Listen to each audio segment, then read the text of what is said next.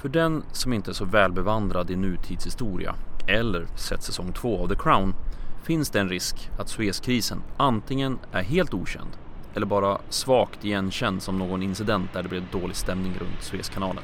Typ. Faktum är att krisen inte bara var en väpnad konflikt runt strategisk infrastruktur. Det hade sitt ursprung i en hemlig plan, en konspiration, planerad och genomförd av Frankrike, England och Israel. Där tanken var att få det att framstå som ett försök att bringa fred när målen var allt annat än hedervärda. Slutligen kan man också koppla den här krisen till den slutgiltiga nedmonteringen av det brittiska imperiet som en global stormakt. Så det är dags att fästa monokeln i ögat, dra en irriterad puff på cigarren och trycka i sig en omgång amfetamin. För jag heter C.E. Åkerberg och ni ska vara med en stiff upper lip välkomna till det här avsnittet av Kvalificerat Hemligt. Denna gång om Suezkrisen och det hemlighetsmakeri som låg bakom.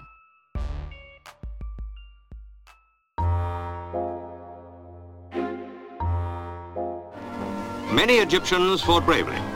But for all Nasser's boasts and his big parades, his army is not an organized force. He declares that Egypt was taken by surprise, but that it won't happen again. One British officer comments, Nasser ought to be shot for allowing his men to fight in this hopeless, chaotic fashion. What we did do was to take police action at once. Action to end the fighting and to separate the armies. We acted swiftly and reported to the Security Council, and I believe that before long it will become apparent to everyone that we acted rightly and wisely. military action, there is only one proven way to deal with fascists. And while I'm sure, while I'm sure we all commend our Prime Minister's confidence, he seems to forget that there can be no military action without support from the UN. Support we do not have. We cannot go to war alone. welcomes the initiative which the governments of the United Kingdom and France have taken in bringing the Suez Canal matter to the Security Council for its consideration. It is a further demonstration of the determination of these two governments to fulfill their charter obligations and to seek a peaceful solution.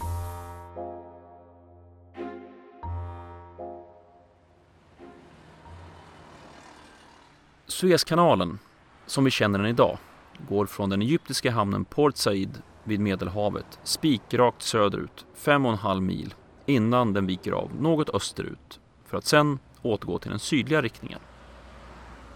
Efter drygt fyra mil till mynnar kanalen ut i Great Bitter Lake. Den här sjön var fram till kanalens byggande inte alls en sjö utan en saltöken. Och föga förvånande är det saltmängden som ger sjön sitt namn. Den 194 kvadratkilometer stora sjön fungerar också som en ankringsplats för båtar under transporten upp och nedför Suezkanalen. Via sjöns sydöstra del fortsätter sedan kanalen lite drygt 6 mil söderut för att slutligen mynna ut i Röda havet vid hamnstaden Suez.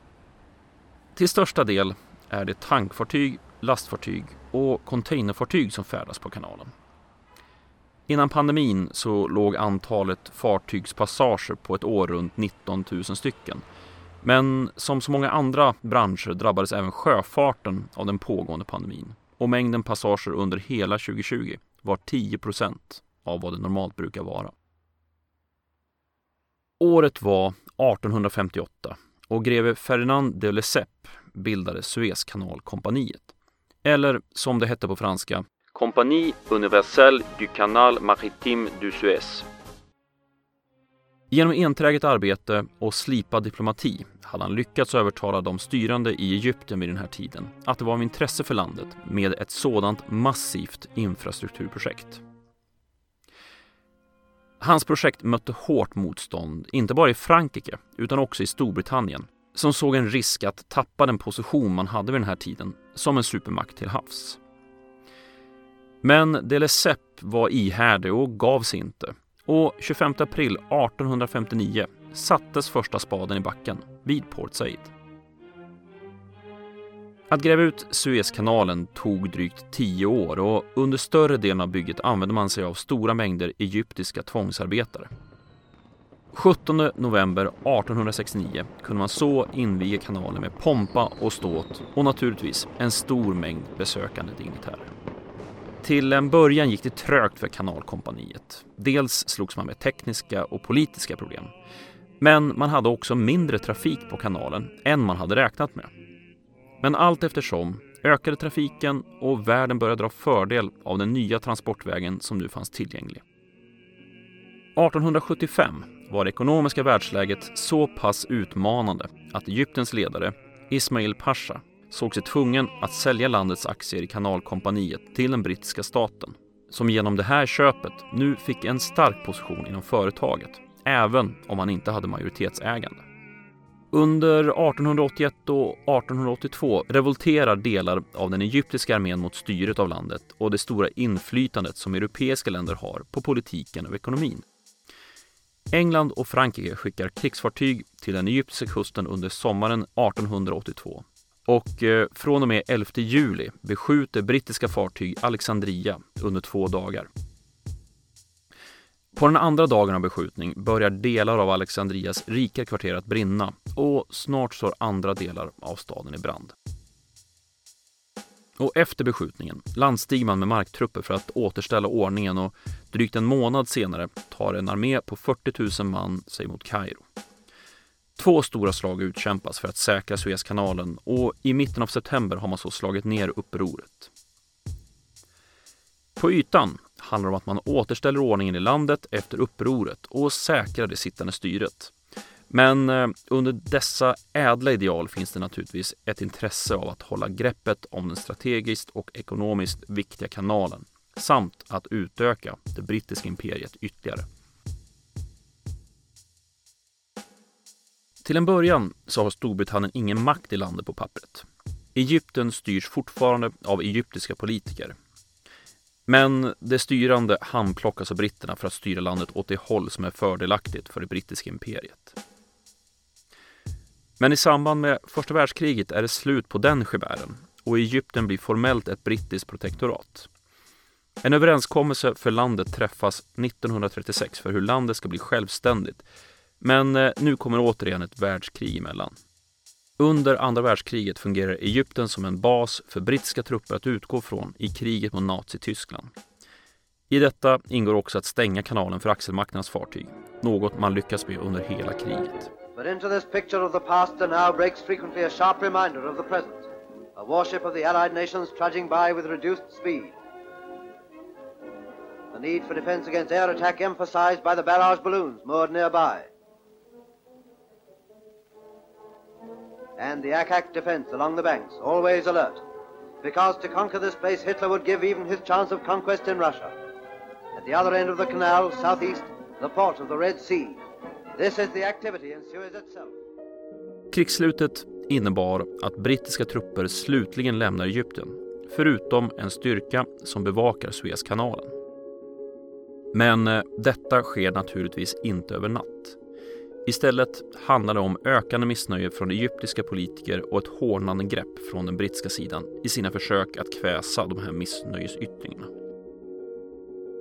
Det här missnöjet underblåses av de styrande i Egypten med förhoppningen att det ska tvinga britterna till någon form av reträtt. Och det här leder till en händelse som kommer i början av 1952 då brittiska styrkor slår ner ett uppror bland poliser i staden Ismailia i eh, insatsen dödas totalt 41 egyptier. Den här incidenten leder till kravaller och upplopp i bland annat Kairo där ett antal västerlänningar dödas som hämnd.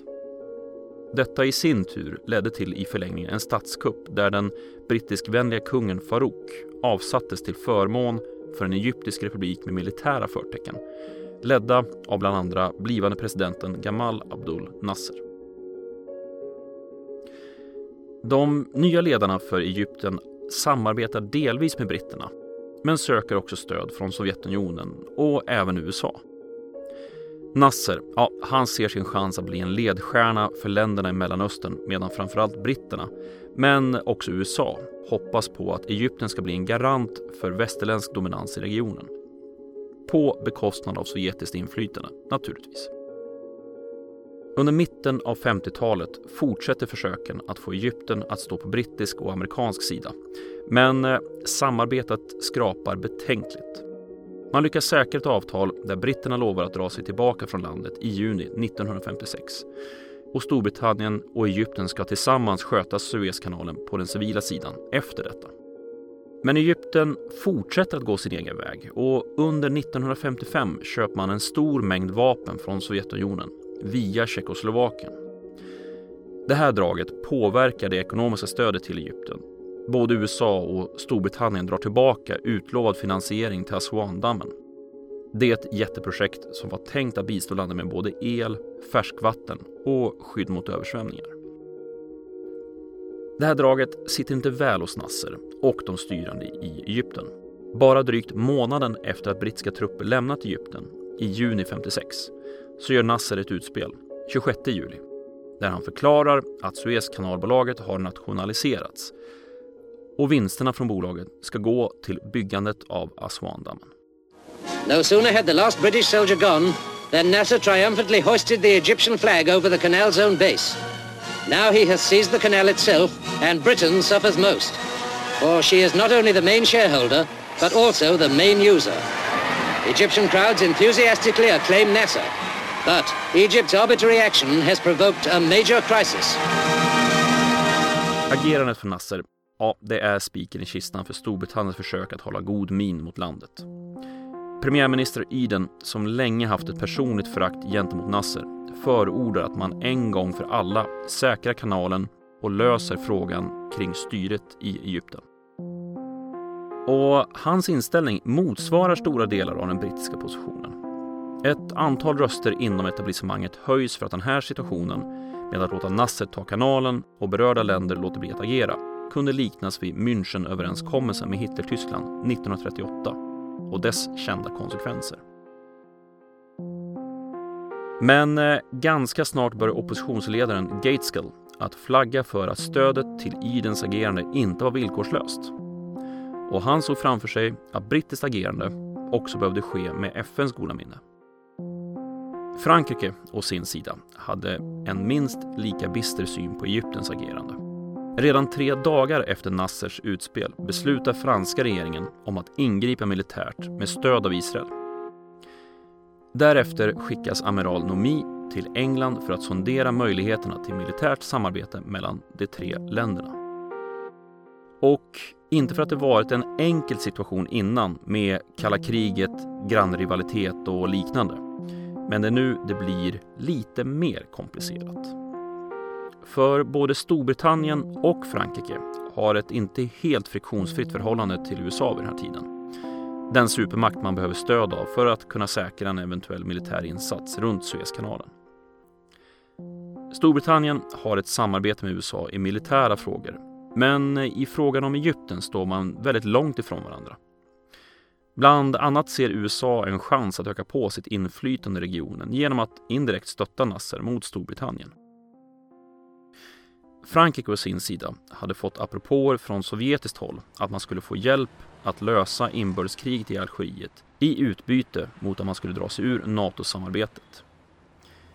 Frankrikes dåvarande premiärminister Guy Mollet var dock övertygad om NATO-samarbetets fördelar och landet stannade kvar i alliansen.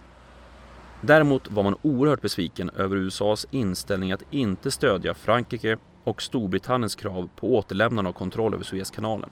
Särskilt efter Frankrikes förnyade engagemang för NATO.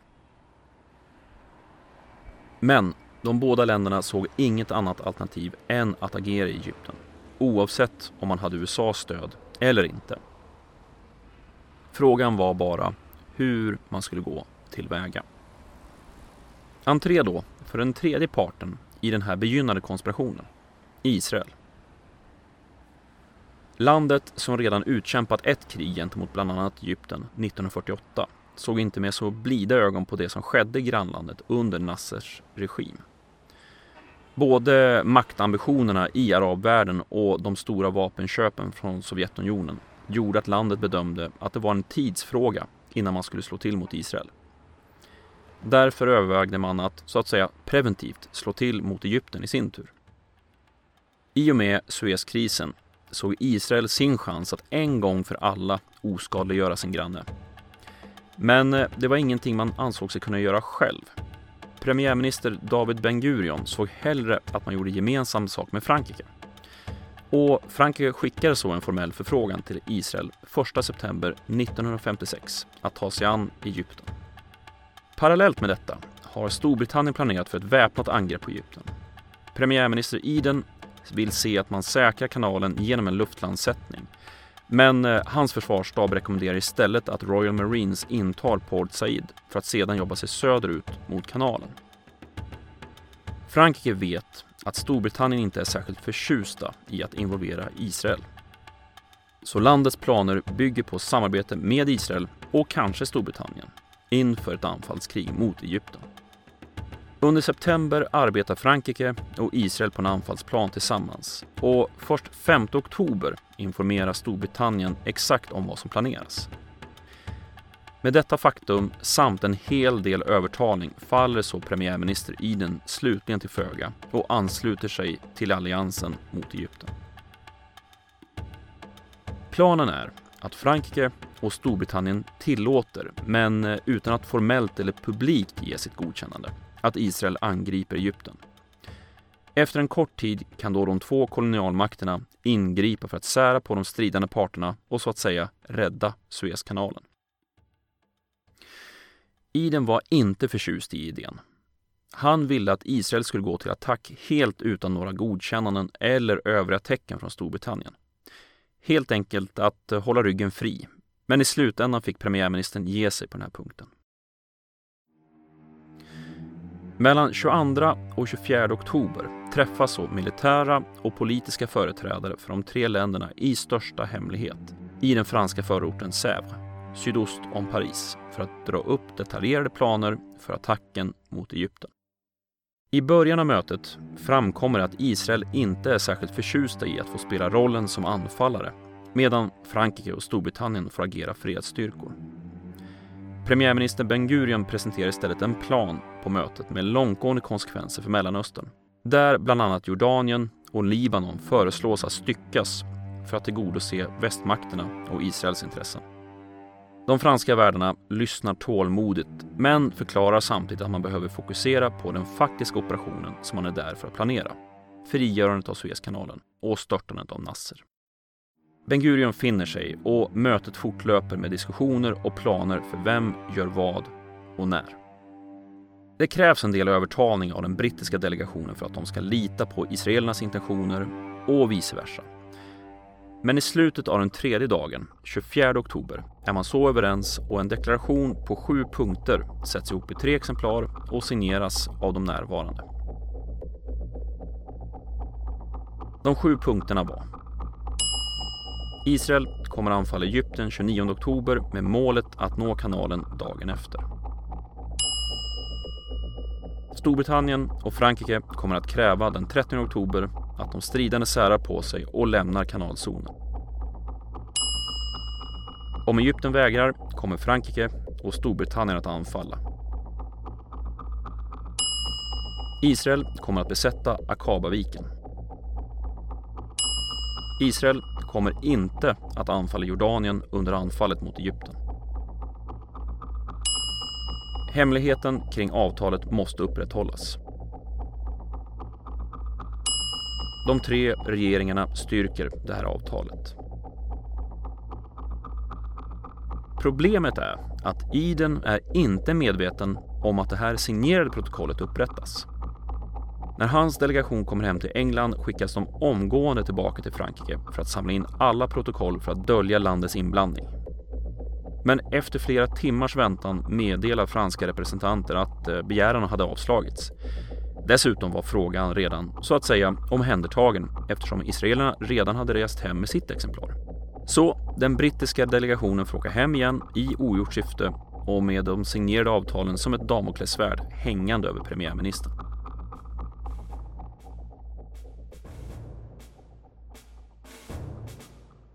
På den franska och brittiska sidan kallar man sin del av krigsplanen för Operation Musketeer. Israelerna kallar sin del för Operation Kadesh. Runt klockan tre på eftermiddagen lokal tid den 29 oktober påbörjar så Israel sitt anfallskrig mot egyptiska styrkor på Sinai-halvön genom att luftlandsätta fallskärmsjägare på västra delen av halvön vid Mittlapasset drygt två mil öster om Suezkanalen. Samtidigt som israeliska flygvapnet påbörjade arbetet med att säkra luftrummet. Samtidigt slår israeliskt pansar mot egyptiska styrkor på Sinai, understödda av flygvapnet. At last, without warning, Israel strikes. General Moshe Dayan, one-eyed commander-in-chief, orders the tanks into action. Israeli forces sweep across the frontier into the Egyptian desert, while Premier Ben-Gurion declares general mobilization. Within hours, the leading Israeli columns are driving towards the canal. Britain and France react at once with an ultimatum. Stop the fighting or we march in. Israel accepts if Egypt will, but Egypt flatly refuses. The world waits tensely to see whether the British flag will fly once more over Suez. Dagen efter att kriget påbörjas, precis som planerat, utfärdar så Frankrike och Storbritannien sina ultimatum till de stridande parterna. Och som väntat får man inget svar på sina krav att striderna ska upphöra och att trupperna ska dra sig tillbaka från kanalområdet. Under upptakten till Suezkrisen har både Frankrike och Storbritannien påbörjat stora förflyttningar av trupper, bombflyg och marina styrkor som förberedelse. På Cypern och Malta trängs flygplan och trupper på brittiska baser inför de förestående striderna. När inget svar mottagits från Egypten eller Israel påbörjas så en bombkampanj med start från 31 oktober. Till en början är tankarna slut flygfält i Kairo, men eh, när premiärminister Eden får reda på att amerikanska medborgare håller på att evakueras via den här vägen ger han kontroorder till sitt bombflyg och pekar ut ett annat mål. Nasser svarar på den här utvecklingen med att sänka fartyg som färdas genom Suezkanalen och därmed så är genomfarten genom kanalen helt blockerad. Ute på Medelhavet sker sporadiska eldstrider mellan franska, brittiska och egyptiska fartyg där bland annat ett egyptiskt fartyg beskjuter den israeliska kuststaden Haifa. Men det är på land de stora striderna kommer att ske. Målet för Frankrike och Storbritannien är att ta hamnstaden Port Said och därefter säkra allt mer av Suezkanalen genom att jobba sig söderut. 5 november luftlandsätts brittiska fallskärmsjägare vid flygfältet El Gamil, strax utanför Port Said. Franska fallskärmsjägare luftlandsätts runt samma tid vid broarna vid Raswa, inne i Port Said. Morgonen efter, den 6 november, landstiger så Royal Marines vid stränderna utanför Port Said och intensiva stadsstrider vidtar.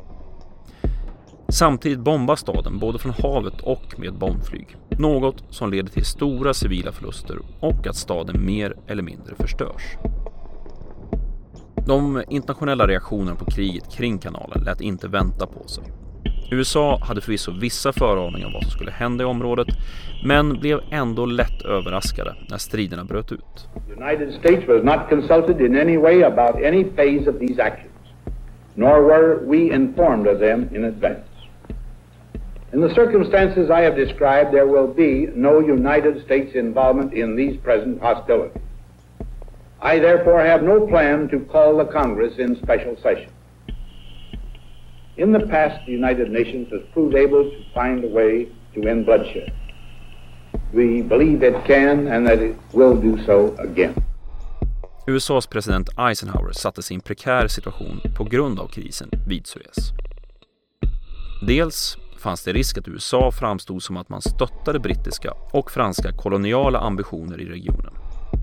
Dels fanns risken att arabiska nationer skulle se Sovjetunionen som en allt mer intressant strategisk partner på grund av krisen. Och apropå Sovjet. Samtidigt som striderna rasade i Egypten utspelade sig den ungerska revolutionen där sovjetiska styrkor brutalt slog ner ett folkligt uppror mot diktaturen. Men Sovjetunionen ägnar sig inte bara åt att brutalt slå ner folkliga revolutioner under den här perioden. Sovjetunionens ledare Nikita Khrushchev hotar också med att bomba de tre angriparnationerna om de inte omedelbart upphör med sitt angreppskrig. För USA stod det klart att det förvisso var väldigt mycket spelad aggression från sovjetisk sida.